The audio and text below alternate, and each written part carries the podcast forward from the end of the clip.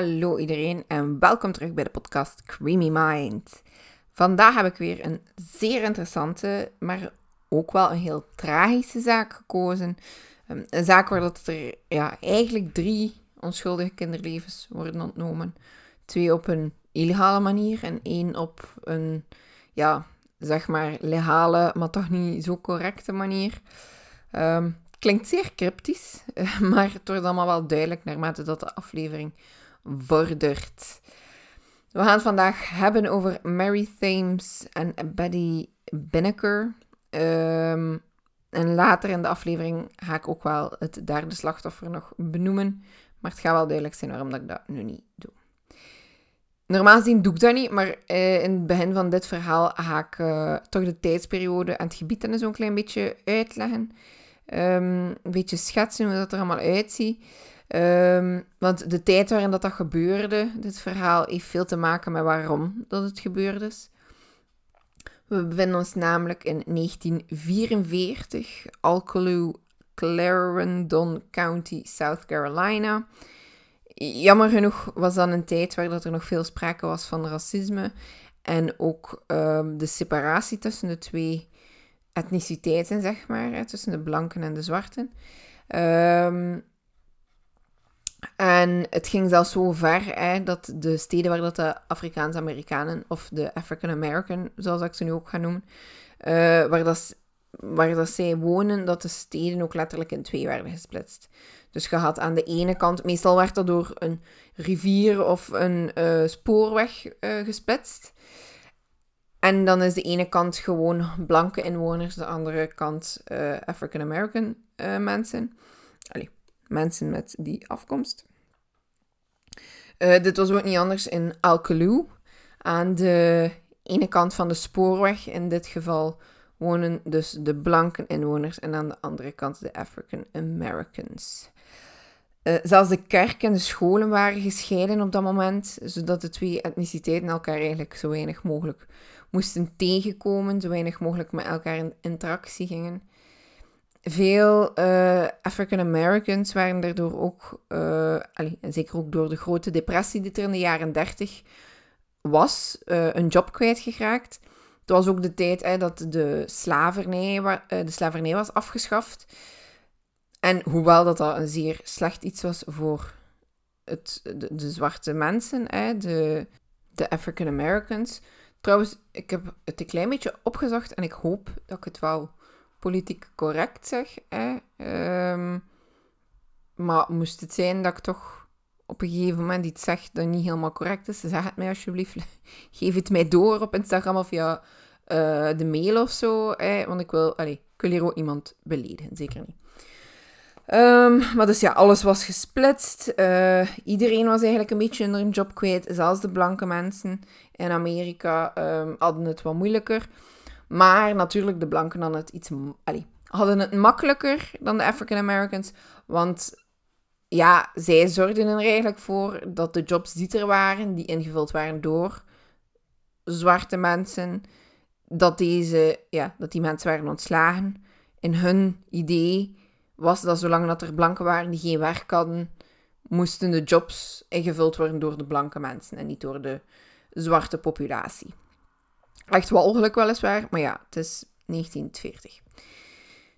En hoewel dat er in 1942 al een Congress of Racial Equality was uh, opgericht, toch was het nog niet helemaal roze geur en maneschijn, gelijk dat je het nu ook hoort uh, in 1944. Als het dat nu nog niet is in 2022, wat was het dan wel? Uh, mensen met een African American identiteit mochten op dat moment zelfs nog niet gaan stemmen. En dat is iets dat zeker aan bod komt in dit verhaal. Want wie dat er niet mag stemmen, uh, die mogen ook niet in een rechtszaak, een rechtszaal binnenkomen. Die mogen niet in de jury zitten, die mogen niet in het publiek zitten, die mogen daar gewoon niet zijn. Het stemrecht voor uh, de zwarte populatie kwam maar in 1665, wat dat dus echt nog 21 jaar ver is van dit moment. Wat ook wel heel belangrijk is, ehm, ondanks het feit dat er vanaf de jaren 30 wel al van seriemoorden uh, of seriemoordenaars wordt gesproken, het is niet dat dat zo enorm leeft bij de mensen. Hè. Uh, we zijn de jaren 70, 80 nog niet gepasseerd, waar dat de meeste grote seriemoordenaars in zaten. De mensen voelden zich nog veilig in hun huis, ze deden de deur nog niet op slot. Ze lieten hun kinderen van hele kleine leeftijd al alleen op straat spelen of alleen naar de winkel gaan. Het, het was gewoon, het, iedereen had een veilig gevoel. Um, wat ook wel een belangrijk detail is in dit verhaal. Nu even over de slachtoffers, Mary Thames en Betty Binneker. Ik moet wel zeggen, ik vind het een beetje jammer. Allee, jammer is, slecht, is, ja, is geen goed woord de, het verhaal van de twee meisjes wordt een klein beetje overschaduwd over wat dat er later in het verhaal gebeurt. Waardoor dat je ook heel weinig informatie kunt terugvinden over de meisjes. Ik, geloof er zeker in dat er boeken bestaan, waar dat dan misschien...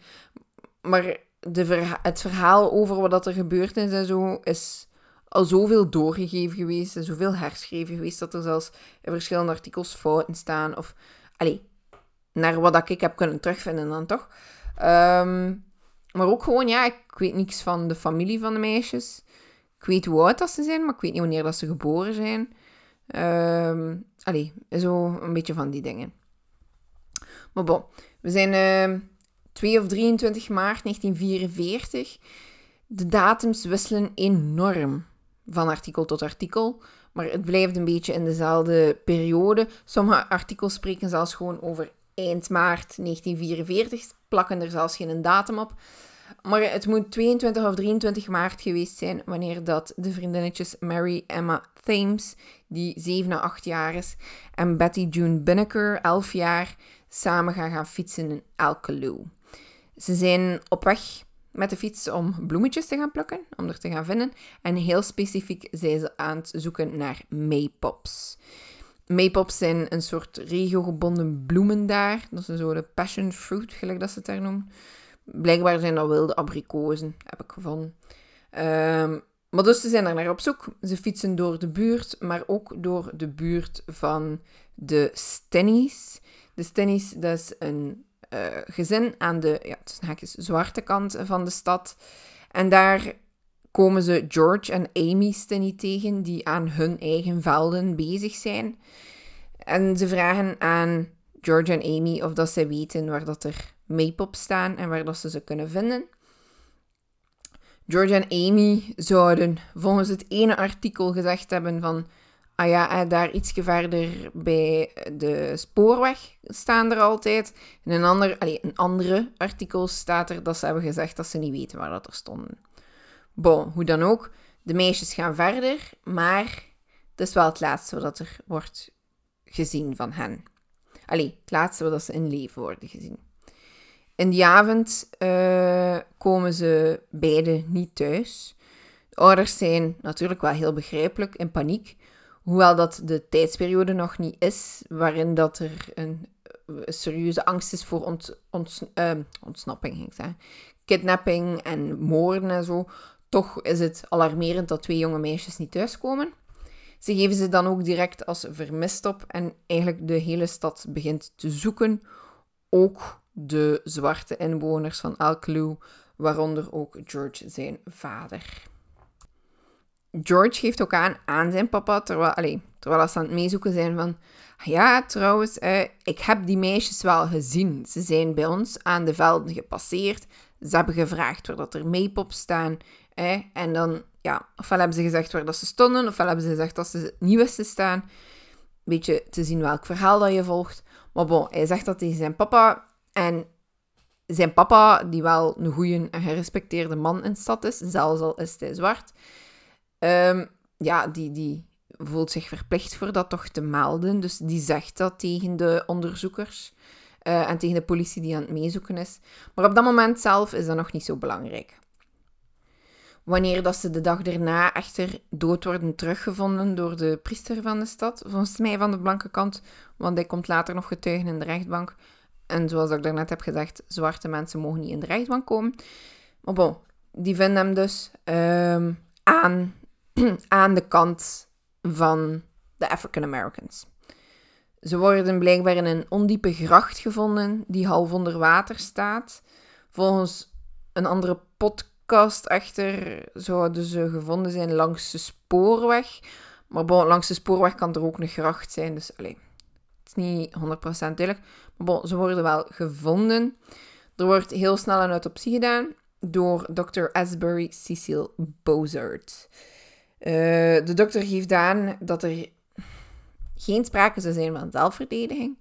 Of ja, dat ze proberen terugvechten hebben. Of allez, zoiets. Of dat ze overmeesterd zijn, zeg maar zelfs. Uh, dus er zou ook geen echt gevecht hebben plaatsgevonden. Wat wel duidelijk is, was dat ze wel door uh, geweld om het leven zijn gekomen. En dat ze dus ja, wel degelijk een gewelddadig overlijden was bij beiden. Mocht je niet tegen details kunnen rond uh, het, ja, mensen die vermoord zijn, like autopsie-details of zo, en zeker dat van kinderen, klikt even ja, een goede 30 seconden, 45 seconden verder. Mary Thames had een zeer diepe wonde aan haar voorhoofd. Uh, de wonde was zo diep dat de schedel gebarsten was. En ja, dat je echt gruwelijk, dat je letterlijk bijna haar hersenen door de wonde kon zien, omdat die zo open lag. En bij, uh, boven haar rechter wenkbrauw was er ook een snede te zien van 5 centimeter lang. Betty Binneker was minstens, uh, had minstens zeven slagen op haar hoofd gekregen.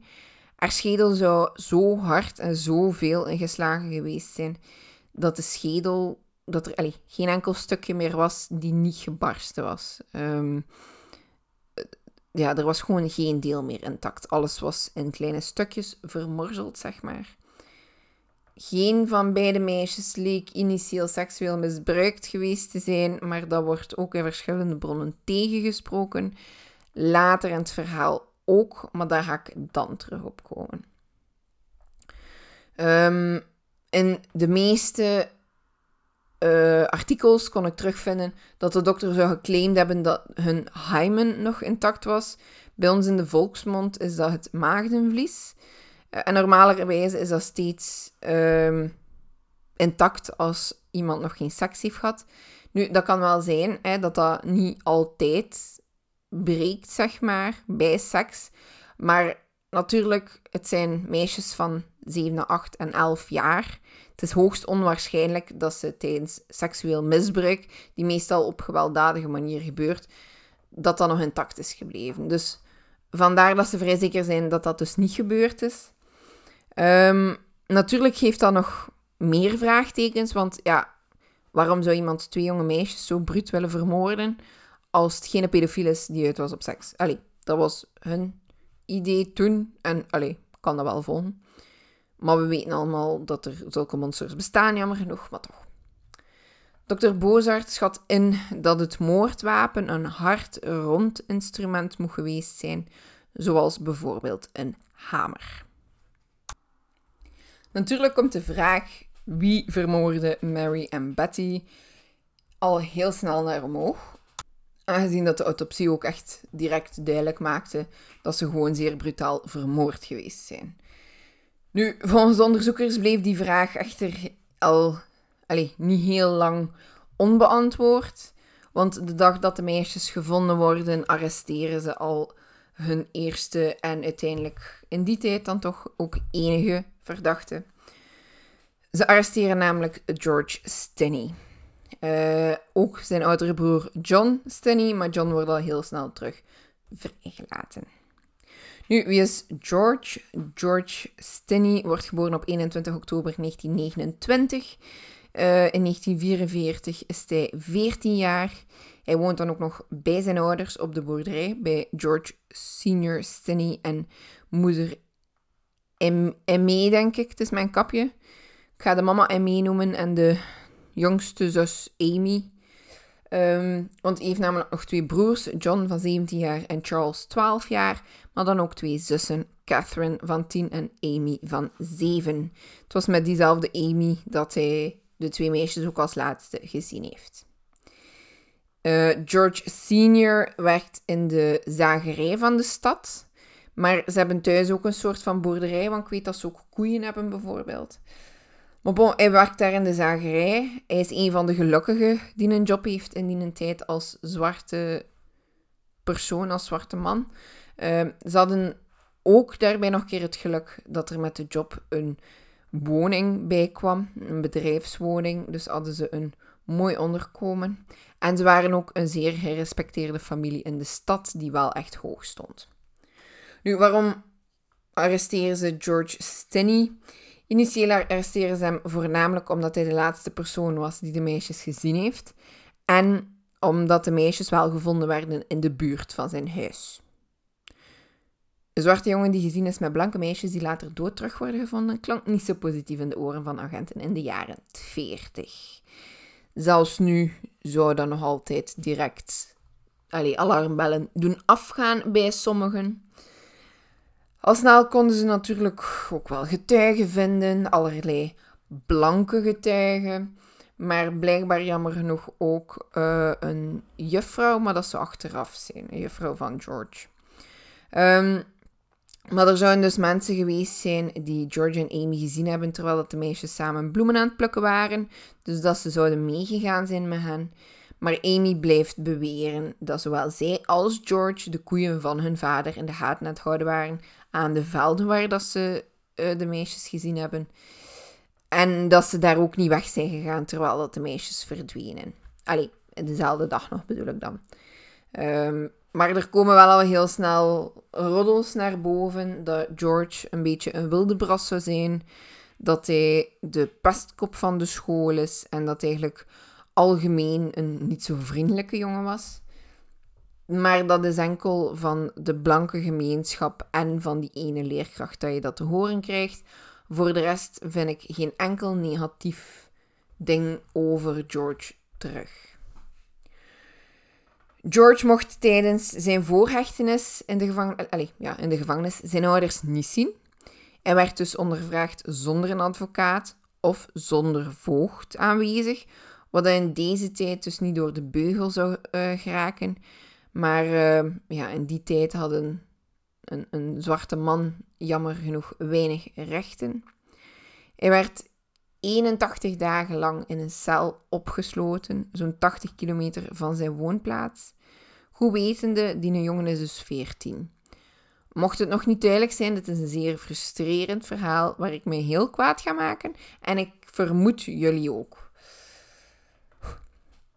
Hij werd uh, urenlang ondervraagd en plots komt een agent naar buiten bij het publiek met het nieuws dat ze een bekentenis hebben. George zou hen uh, naar het moordwapen geleid hebben, wat dat volgens hen een metalen baar was, die uh, iets verder in de gracht te vinden was. Volgens sommige artikels en volgens de podcast die ik geluisterd heb, uh, A Thousand True... Wacht, hè. Wat was het? A Thousand True Crimes? Kan... Nu, wacht hoor. Spotify. Ga ik kijken hoe dat dan noemt. Ja, Thousand True True Crimes. Uh, is een, goede aflevering wel, moet ik zeggen. Uh, maar de meisjes daar zeiden dat dat dus uh, mogelijk een deel van de spoorweg was die was afgebroken of zoiets. Maar dus ja, een metalen baar, hoe dan ook. Um, ik moet dat hier even ontleden. Um, ze vinden na het ondervragen van George, in opdracht van George, die hen in de juiste richting leidt, een metalen baar in de gracht, die niet ver van het lichaam ligt. Dat wil dus zeggen dat onderzoekers de omgeving van het lichaam of niet goed onderzocht hebben, waardoor dat ze dat niet eerder gevonden hebben, of ze dat wel hadden gevonden en op die manier George gewoon hebben kunnen ja, kweken, zeg maar, naar, allez, coachen, hè, naar van, ah ja, daar ligt er daar toch een baar, hè, is dat niet wat je gebruikt hebt? Of dat Georgia gewoon helemaal ook niet heeft aangehaald en dat ze gewoon hebben gezegd: We hebben dat gevonden en George heeft dat gezegd. Terwijl dat, dat absoluut niet waar was. Dus alleen, geen enkel van die opties klinkt het als iets positiefs. Maar bon, natuurlijk, George zal de omgeving rond zijn huis ook wel kennen, hè, want de meisjes zijn niet ver van zijn huis gevonden. Ik kan me niet inbeelden dat hij als 14-jarige jongen daar nooit in de velden of in de buurt heeft gespeeld. Um, en als hij daar ooit in het verleden een metalen baar heeft gegooid, om welke reden dan ook, ja, dan weet hij natuurlijk wel dat dat daar ligt. En hij zal ook wel geweten hebben waar dat de meisjes gevonden zijn. Dus die zal weten van, ja, dat ligt daar niet ver naast. En om onderzoekers dan gelukkig te stellen, zal hij gezegd hebben, ah ja, het ligt daar een baar, kijk daar een keer naar. Oké, dat rijmde. Geen verhaal voor te lachen, Gal. Geen verhaal voor te lachen. Um, maar ja, bon. Um, uiteindelijk is zelfs niet zeker dat dat het moordwapen is. Want zoals dat we weten, heeft de uh, onderzoek, allee, de dokter, de autopsiedokter gezegd dat het mogelijk een hamer was. Een metalen baar is niet rond, zoals dat de dokter had laten weten.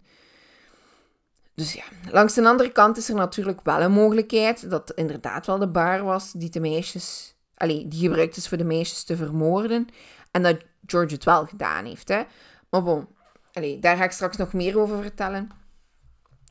Er is echter wel geen geschreven verklaring. George heeft zelf niets geschreven. Ik, ver, allee, ik weet ook niet in hoeverre dat George kon schrijven en lezen. Dus daar heb ik niks van teruggevonden. In die tijd was het wel normaal dat kinderen vanaf een bepaalde leeftijd gewoon op het veld gingen gaan meehelpen.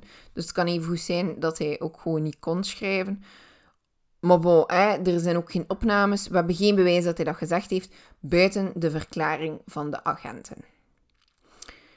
Het duurt jammer genoeg ook niet lang voordat George Senior uh, zijn, uh, zijn job verliest door het feit dat George Junior wordt opgepakt. Dat wou dan ook wel zeggen dat ze hun huis kwijt waren, want ja, remember, ze wonen in een bedrijfswoning en die moeten ze verlaten. Daarbovenop nog een keer krijgen ze bedreigingen naar hun hoofd gesmeten. Net zoals George. Er zijn echt letterlijk killmobs en toestanden die hem willen vermoorden omdat ze geloven dat hij de dader is. Maar ze doen dat dus ook naar de familie. Dus de familie wordt letterlijk ook gewoon uit de stad gedreven. Um, wat dat echt allez, verschrikkelijk is. Niet alleen voor George, maar ook gewoon voor heel de familie. Terwijl als George het gedaan heeft, stel dat George het gedaan heeft, er is een minimum-mogelijkheid dat George het gedaan heeft, maar dan heeft die familie daar niks mee te maken. Laat die mensen zijn. Laat ze gerust. Maar nee, het is 1944, al. Het is 1944. Op 24 april 1944, wel geteld twee maanden nadat de meisjes worden gevonden, begint de rechtszaak al tegen George. Twee maand. Dat is een ongezien korte periode voor een moordzaak in het algemeen, in die tijd, nu, alleen nu zeker, nu, allee, we kunnen ons dan niet inbeelden dat er iemand op twee maand tijd naar de rechtszaak, alleen naar een rechtbank wordt uh, getrokken. Maar twee maand. Oef. Daar bovenop, zoals ik in het heel begin van mijn verhaal heb verteld, mocht George en familie niet aanwezig zijn in de rechtbank. Ook een eigen advocaat, want ja, dat was een zwarte advocaat, die mocht niet aanwezig zijn in de rechtszaak. Ja, die mocht dus zijn eigen advocaat niet kiezen, puur en alleen om het feit dat het om een zwarte advocaat ging. Want ja, geen enkele African American mocht binnen in die rechtszaal. George moest het dus doen met, ja, het is zogezegd een prodeo-advocaat die door de staat was aangesteld. Maar hij was zelfs geen advocaat, want de man in kwestie is Charles Powden. Die man was een belastingencommissaris die op dat moment campagnes aan het uitvoeren was voor verkiezingen. Dus ja, het is niet dat hij allee, voor een bepaalde partij was of dergelijke. Ik ben echt. Tijdens het maken van deze research was ik kwaad. Tijdens het nu vertellen ben ik kwaad. En je hoort dat waarschijnlijk ook wel. Bon, dus Charles Powden wordt aangesteld voor hem te verdedigen in de rechtbank. Um, ik denk zelfs dat die man geen diploma had om raadsman of advocaat te zijn. En ja, George had op dat moment dus ook gewoon echt niemand die effectief achter hem stond, die geloofde in zijn onschuld, zeg maar. Dus hij stond er jammer genoeg wel alleen voor. Wat in onze tijd nu uh, een jury van gelijken moet zijn, wat dat zou inhouden, hè, mannen en vrouwen door elkaar, maar in het geval van George zijn zaak ook zwarte en blanke mensen door elkaar, was in de jaren 40 niet van toepassing. Want ja, hè, de African American community mocht zelfs niet binnen in de rechtszaak. Dus hoe in godsnaam zou het een jury van gelijken zijn? Het was dus gewoon een jury vol blanke mensen. Het hele proces, uh, wat in veel moordzaken weken kan duren, duurde in dit geval, inclusief de juryselectie, één dag. Dat was ook wel niet moeilijk, want ja, Powden, de man die George zou moeten verdedigen, deed geen kloten. Geen klop. Niet te bol. Hij daagde niemand uit, ging niet in tegen zaken die duidelijk speculatie waren, of hearsay. Hè. En ga maar verder, maar daar ga ik ze een klein beetje op ingaan. Er kwamen uh, drie agenten voor die verklaarden dat George een bekentenis had afgelegd.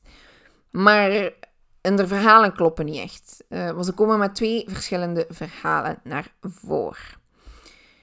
Ze zeggen namelijk dat George verklaard zou hebben dat hij de meisjes vermoordde, maar dat hij dat, voordat hij dat deed, dat hij Betty nog seksueel misbruikt zou hebben. Toen dat ze dan dood was, uh, dat hij later nog een keer opnieuw is teruggekeerd voor er opnieuw seksueel te proberen misbruiken. Maar omdat ze al te lang dood was en te koud was, zeg maar, uh, is dat dan niet gelukt.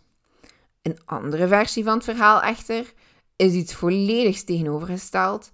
Uh, want dat was dat George zo aangegeven hebben van ja, kijk, hè, ik was wel meegegaan met de meisjes om bloemen te zoeken, omdat ik wist wel dat er stonden. Een van de meisjes is in de gracht gevallen met haar fietsje. Ik wou haar eruit helpen, maar plots werd ik door alle twee aangevallen. En uit zelfverdediging heb ik naar het eerste beste gegrepen wat ik vond. En dat was die metalen baar die daar lag. En heeft hij ze doodgeslaan. Een mogelijke verklaring natuurlijk. Hè? Ja, als hij het echt gedaan heeft, het is een mogelijke verklaring waardoor, waarom dat gebeurd is. Maar waar dan niemand in dit verhaal rekening mee houdt, is dat dokter Bozert, Bozar, hoe dat je het dan ook uitspreekt, dat die man wel zegt dat met een rond wapen is gebeurd. Iets zoals een hamer. Niet zoals een metalen baar. En niemand houdt daar fucking rekening mee. Die man gaf ook te kennen dat de meisjes niet verkracht werden en dat ze hoogstwaarschijnlijk verwoord waren met die hamer, want de wondes kwamen overeen met een rond voorwerp zoals de hamer. Maar hoewel dat de twee zeer verschillende verklaringen naar voren zijn gekomen, die dus niet stroken met de autopsie, waarom houd je dan ook één als je er geen rekening mee houdt? Worden geen van beide vragen in vraag gesteld. Onze Pouden daar komt er niet op terug, zegt niet van, hmm, raar dat je hier twee verschillende verhalen vertelt. Raar dat jullie vermoedelijke moordwapen niet overeenkomt met wat dat de dokter zegt dat hij in de autopsie gevonden heeft dat mogelijk zou kunnen zijn. Raar dat er buiten jullie verklaring niemand is die kan verklaren dat hij heeft bekend. Raar dat er geen bewijzen zijn buiten jullie verklaring dat hij heeft bekend. Maar dat komt allemaal niet naar boven. Allemaal niet. En naast die agenten komen er ook nog een keer drie andere getuigen naar voren, waaronder de dominee Francis Batson, de man die de lichamen heeft gevonden. Het was dus een dominee, geen priester. My bad. En uh, daarnaast nog een keer twee artsen, waaronder de arts die de autopsie heeft uh, gedaan, dokter Bozert, en nog een andere dokter die er ook bij was. Wat dat mij enorm verbaasde tijdens de getuigenis van de twee artsen, was dat de twijfel rond het seksueel misbruik plots wel naar boven kwam. En het werd dan nog toegestaan in de rechtbank ook. Um, volgens een van de artsen zouden er wel degelijk blauwe plekken geweest zijn rond de geslachtsdelen van Betty, wat erop zou kunnen wijzen dat ze wel degelijk mishandeld werd of dat er een poging gedaan werd tot. En zeker dat laatste, dat een poging is geweest tot en dat het dan bijvoorbeeld niet succesvol was, lijkt mij dan het logischste in dit verhaal. Maar ja, we zijn in de jaren 40. Wat is er logisch in die tijd? Zoals al eerder gesteld, deed de raadsman onze Powden van George niet veel. Ehm, hij riep geen getuigen op, wat dat sowieso moeilijk was geweest, aangezien de enkel zijn familie in zijn voordeel wou getuigen. En ze mochten niet in de rechtszaal zijn, dus dat was al, ja, dat was al niet mogelijk. Uh, maar hij voerde dan bijvoorbeeld ook geen kruisverhoor met de getuigen van het Openbaar Ministerie. Um, hij bood... Ja, hij, hij, hij bracht letterlijk niks in die zaak. Hij zat daar. Hij moest er zijn en hij zat daar. En dat was het ook. Bon, de zitting heeft dus letterlijk maar twee uur en een half geduurd. Um, er was ook gewoon letterlijk niks, hè, jongens. Er was geen bewijs. Nu, natuurlijk, in de jaren 40 kan er niet veel bewijs zijn, tenzij dat iemand u letterlijk gezien heeft. Wat dat dus niet het geval was in, dit, in deze zaak. En ze hebben zo gezegd een, een verklaring van de verdachte, maar dat kan zelfs al niet gestaafd worden. Maar bon, ja, ja het is de jaren 40. Het is een zwarte jongen. Het is een volledig blanke jury, een volledig blanke rechtszaal. Die jongen had gewoon al geen schijn van kans. De jury gaat samenzitten en het duurt misschien al bij al 10 minuten voordat ze terug naar buiten komen. Want ja, sneller mochten ze niet, want ze moesten toch een beetje de schijn hoog houden dat ze bewijs aan het bespreken waren. En niet zomaar afgaan op het feit dat de jongen zwart is. En het verdict is al heel snel heel duidelijk, zelfs voordat ze het uitspreken, wat we weten allemaal, onder de twee uur is schuldig. En het verdict is schuldig. De straf? Dood door elektrische stoel. Nog een keer herhalend, het is een jongen van 14 jaar. Maar boy. Nee, niet bon, ja. Er zijn blanke misdadigers op dat moment die ouder zijn dan George, die al veel meer op op hun kerfstok hebben, kerfstok hebben dan George. Die letterlijk gewoon een tik op de vingers krijgen en terug vrij gaan. Of misschien een keer vijf jaar in de gevangenis zitten en dat zit. Die jongen heeft nog niets verkeerd gedaan in zijn leven. Nog niks. Die heeft nog geen dingen... Heeft nog niet in aanraking gekomen met de politie of dergelijke. En die jong krijgt direct de stoel. Zoals ik daarnet zei, is de jaren 40, het is niet logisch. Hoewel dat uh, het land wel nog altijd zeer racistisch geladen is, zoals we wel degelijk kunnen zien aan de zaak, toch zijn er ook wel echt veel mensen die tegen de zware straf zijn die de jongen krijgt. Um, er beginnen protesten op poten te staan.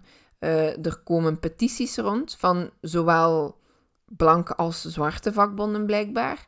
Um, en ze proberen hem vrij te stellen puur en alleen op het feit dat hij zo jong is. Wat ik me levendig kan inbeelden, wat dat logisch zou zijn.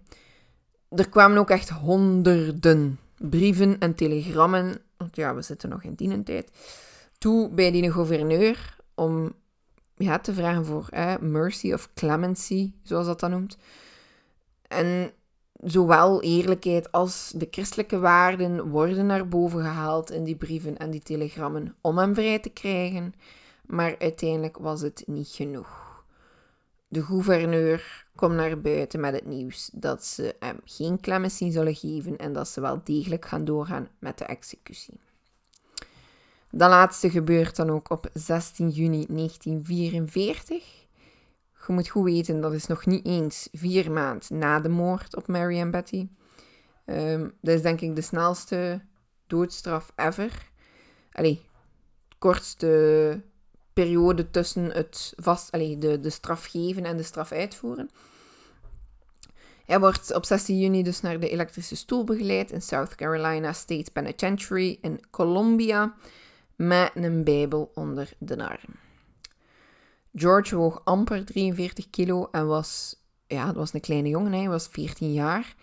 En je zag het gewoon alleen al aan het feit van zijn kleren, want zijn gevangenisoutfitje was gewoon veel te groot voor hem. Hij zwom er letterlijk in. Die elektrische stoel daarnaast was natuurlijk ook gemaakt voor de volwassenen.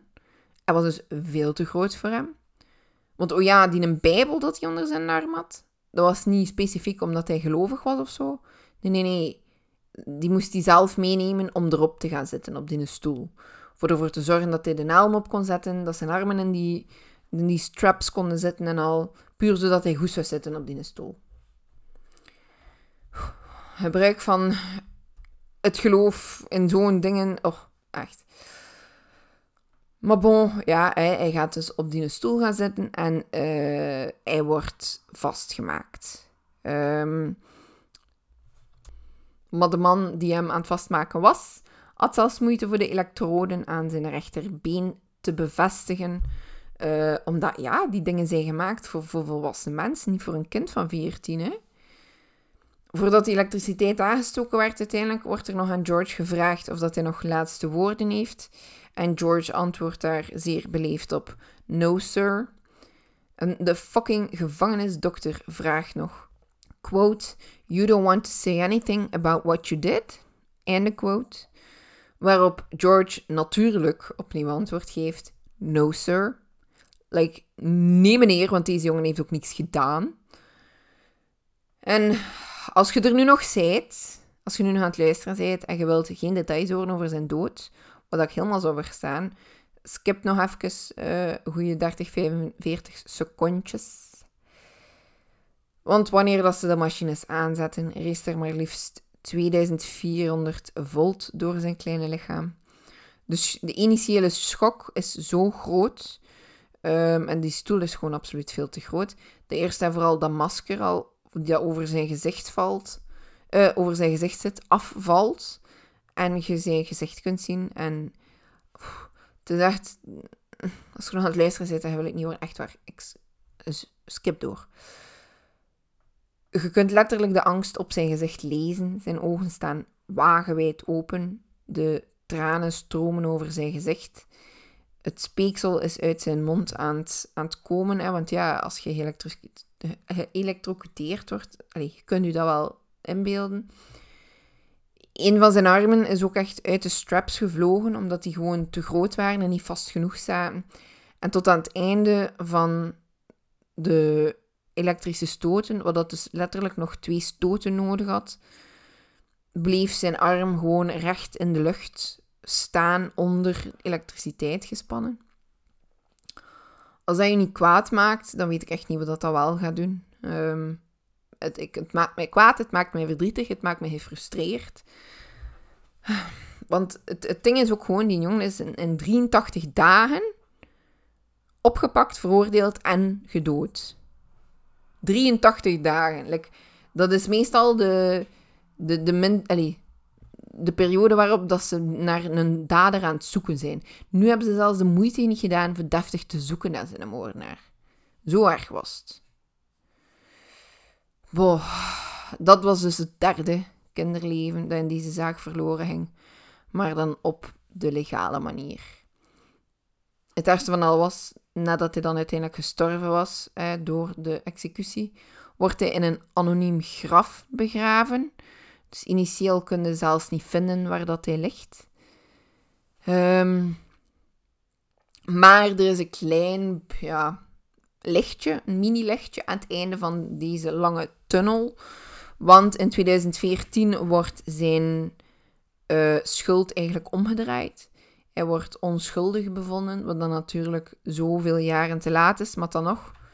Um, ehm, 70 jaar te laat voor uh, exact te zijn. Um, er was een, was een onderzoeker, dacht ik, ja. Een onderzoeker die de zaak nog een keer is beginnen onderzoeken. Allee, geen die vasthangt naar de politie of zo. En ja, die stelde zich daar toch wel vragen bij. Dus dat is naar voren gekomen bij de onderzoekers van die moment. Die hebben dan nog een keer onderzocht. En uiteindelijk hebben ze petities getekend. En heel de nutse klus is dat bij de rechter terechtgekomen. En de rechter wou hem niet vrijspreken. Onder het mom van hij heeft het niet gedaan. Want wat ze zegt, allee, dat klopt wel natuurlijk. Ze kan niet bewijzen dat hij het niet gedaan heeft. Uh, dat kan niet. Ze heeft daar letterlijk de bewijzen niet voor. Ze kan niet zeggen dat hij het niet gedaan heeft. Ze kan niet zeggen dat hij het gedaan heeft. Ze kan niet zeggen dat iemand anders gedaan heeft, want we weten het gewoon niet. Wat ze wel kan zeggen, is dat hij onterecht, onmenselijk hard gestraft is geweest voor zijn leeftijd en voor zijn achtergrond. En daar bedoel ik dan de criminele achtergrond mee. Hè, want je had nog niets gedaan in zijn leven. Je had nog geen fouten begaan op die manier. Dus heeft ze wel zijn... Um, ja, hem onschuldig verklaard op die manier. Maar ja, daar, daar is George natuurlijk niks mee momenteel. Maar het maakt zijn familie wel een klein beetje gelukkiger. Want de, de familie blij, allez, is nu wel ook echt aan het beweren, zelfs 70 jaar later, onder andere zijn broers en zussen die nog leven op dat moment, um, blijven zeggen van ja, zijn verklaring was er, maar die was afgeperst geweest door de agenten. George heeft dat zelf nog gezegd. En daarbij, hij had een alibi. Hij was bij Amy, bij zijn zus.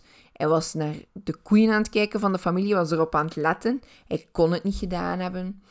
En um, er komt zelfs nog een verklaring van iemand die zegt dat hij de cellmate was van George. Een man genaamd Wilford Johnny Hunter. Hij zou gezegd hebben dat hij daarbij in de cel heeft gezeten en dat George bleef zeggen van... Johnny, I didn't do it. I didn't do it.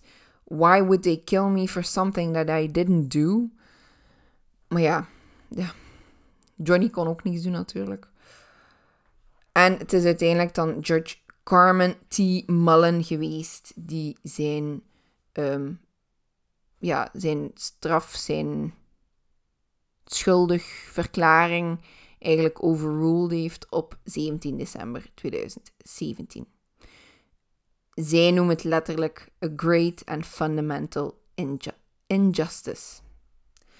Om dan ook nog goed te doen voor George, hebben ze hem dan ook nog verplaatst en hebben ze wel een headstone geplaatst, zodat iedereen weet waar dat hij ligt als ze hem kunnen bezoeken. En op zijn headstone zou er ook gestaan hebben het volgende. Quote, wrongfully convicted, illegally executed by South Carolina. Maar natuurlijk, hoewel dat er een klein beetje justice is voor George Stinney en zijn familie, dat is er nog altijd niet voor Mary Emma Thames en Betty June Binneker de familie van Mary en Betty waren er in der tijd dan ook wel echt van overtuigd dat George het gedaan had. Daarbij, zoals ik al meerdere keren heb het is mogelijk dat hij het gedaan heeft. Was het in zelfverdediging? Was het omdat het wel degelijk een jongen was met wat problemen die dat dan uiteindelijk gedaan heeft? Het kan allemaal. Ik zeg ook niet dat dat niet kan. Maar het is niet bewezen. Er is nooit naar iets anders gekeken geweest. Er waren andere moordenaars op dat moment in de buurt. En er is nooit naar gekeken geweest. De meisjes de zaak heeft gewoon nooit een eerlijke kans gehad om opgelost te worden. De familie heeft nooit, ook al voelen ze dat wel, hebben ze wel een gevoel dat er justice was. Het is nooit een faire justice geweest in het algemeen. Om, ja, om de simpele reden dat niet bewezen is geweest. Dus ja, voor de meisjes heb ik wel nog altijd geen antwoord. Was het George? Was het iemand anders? We weten het niet. Wat we wel weten is dat George op een legale manier, maar een zeer oncorrecte manier, om het leven is gekomen. Door een staat die echt wel racistisch was, om het zo kort door de bocht te zeggen. Die gewoon geloofde van zwarte man zag blanke meisjes, blanke meisjes zijn dood, zwarte man is schuldig. Want zo kort door de bocht gaan ze wel. En waarom dat, dan nu, zo, allez, waarom dat, dan nu nog altijd zo'n belangrijk topic is, is, omdat vandaag ook nog altijd gebeurt. Er zijn nog altijd veel, zowel zwarte als blanke natuurlijk, hè, maar over me, allez, het merendeel van de populatie die onschuldig is, die in de gevangenis zit, zijn grotendeels zwarte mensen. Dat is statistisch gezien gewoon een feit. Wat dat wel zo is, is dat ze niet het merendeel zijn on death row. Dat is wel een feit. Allee, als je de statistieken opzoekt, is maar 42% van de mensen die op death row zitten, die zwart zijn. Dus, hè, het is nog altijd de blanken die het meest echt fouten doen. Hè? Even uh, ter verduidelijking. Nee, nee, dat niet. Maar uh, nee, het is gewoon belangrijk dat iedereen weet dat, dat racisme nog altijd bestaat. Niet in de mate van toen, maar op een meer verborgen manier. Maar toch is het er nog. En dat belangrijk is voor elkaar gewoon graag te zien, te aanvaarden. Iedereen te laten zijn zoals dat ze zijn, maar wel dat iedereen gaat voor justice. En ja, dat is het moraal van het verhaal eigenlijk gewoon. Bon, dat was dan uh, mijn Today Show vandaag. Ehm, nee, maar ja, ik vond het wel een belangrijke voor te doen. Um, ik ga ook buiten al mijn psychologische toestanden dat ik in mijn podcast steek vaak, wat dat de laatste paar afleveringen minder aan bod zijn gekomen, jammer genoeg. Maar ja, ze kunnen er niet allemaal over gaan. Ik doe mijn best voor dat wel te doen, maar bon. Um, ga ik ook wel meer zo zaken ook doen waar dat politieke problemen aan bod komen, waar dat maatschappelijke problemen aan bod komen. Ik wil bijvoorbeeld, nadat ik dan getrouwd ben natuurlijk, ook uh, kijken voor zaken rond heel het gedoe van Wade versus Roe. En het onnozele feit dat die dingen volledig omgedraaid is nu. En dat er staten zijn die terug mogen verbieden van abortus te plegen, wat dat dikke zever is. Maar dat is niet voor nu, dat is voor een andere keer. Dat zijn frustraties voor de volgende keer. en nog eventjes langs de zijkant. Zoals ik de vorige keer zei, ik ga volgende week geen aflevering doen. Ik trouw, als jullie dit horen, binnen een paar uur voor de wet. En dan volgende week vrijdag voor de kerk met een groot feest erbij. Dus het is een beetje te druk voor iets uh, in elkaar te steken. Maar de week daarachter ben ik er wel weer gewoon terug. Um, met weer een wekelijkse aflevering op vrijdagochtend. Als je de podcast leuk vindt, volg mij even op Instagram, uh, Creamy Mind Podcast. Stuur mij gerust een berichtje daarop, wat je van de podcast vindt, voor suggesties. Op foto's mag ook, al wat je wilt. Stuur mij gerust een mailtje als je bijvoorbeeld iets te zeggen hebt dat iets langer is dan een berichtje op Instagram. Als je verhaal wilt vertellen of zo. Uh, ik heb al veel echt lange mails gehad en al. Gewoon voor te babbelen en dergelijke. En ik vind dat super tof. Dus doe maar. Ik probeer ook echt op alles te reageren. Wat dat veel en verbaast. Maar ik doe dat graag. Dat mag op creamymindspodcast.gmail.com. Geef mij ook even, als je de podcast leuk vindt, een goede rating op uh, Apple Podcast, Google Podcast, whatever, waar dat je ook op aan het luisteren zijt. Doe dat even. Deel de podcast met al je vrienden uh, die graag naar True Crime Podcast luisteren. Of naar degene die er nog niet veel van kennen en dat je een keer een show wil aanraden. Dat is ook iets. Um, go for it. Deel maar. Hè. En ik hoor jullie binnen twee weken. Ciao!